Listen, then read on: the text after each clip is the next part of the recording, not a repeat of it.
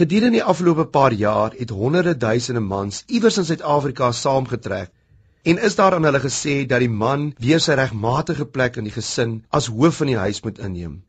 Gedurende Mei 2011 se Wes- en Suid-Kaapse sinode van die NG Kerk is daar gesê dat alle mense voor God gelyk is en ook in die gesin en huwelik.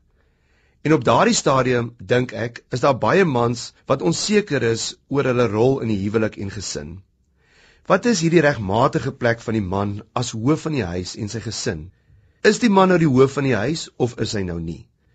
In Efesiërs 5 vers 21 staan daar: Mans en vrouens, wees uit eerbied vir Christus aan mekaar onderdanig. Hoekom uit eerbied vir Christus? Hoekom staan daar nie net mans en vrouens wees aan mekaar onderdanig nie?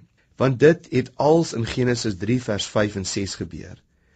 Maar God weet dat julle oë sal oopgaan, sê die verse, die dag as julle van daardie boom eet en dan sal julle soos God wees, deurdat julle alles kan ken.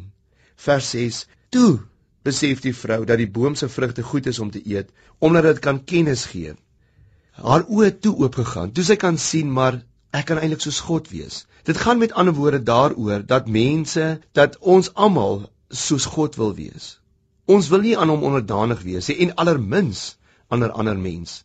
Dit gaan oor heers en mag en hierdie goue draad loop reg deur die Bybel. Kain en Abel, sien ons dit? Die toring van Babel wou hulle soos God wees. Josef en sy broers, toe sy broers voor Josef moes buig. Ons lees dit wanneer Jakobus en Johannes se ma vir Jesus kom vra maar is dit moontlik dat hulle eendag aan sy linker en regterhand kom sit en kan regeer? Dit het ook met Salomo wat in 'n poligame huwelik oor 100 vrouens geheers het, het dit bestaan. Jesus kom egter af aarde toe om hierdie dors na mag en heerskappy te verbreek en hy kom was ons voete en dien ons tot en met sy dood aan die kruis.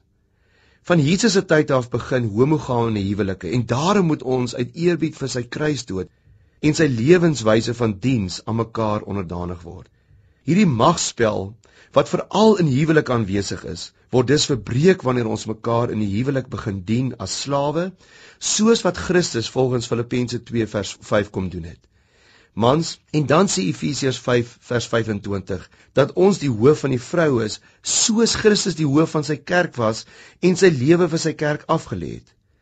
Ons is dus die hoofslaaf, die hoofdienaar, die eerste een wat mag moet afbreek en ons vrouens en ons kinders se onderdane moet word.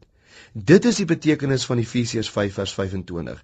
Soos was Christus sy lewe vir sy kerk afgelê het, moet ek en jy ons lewens aflê in die huwelik.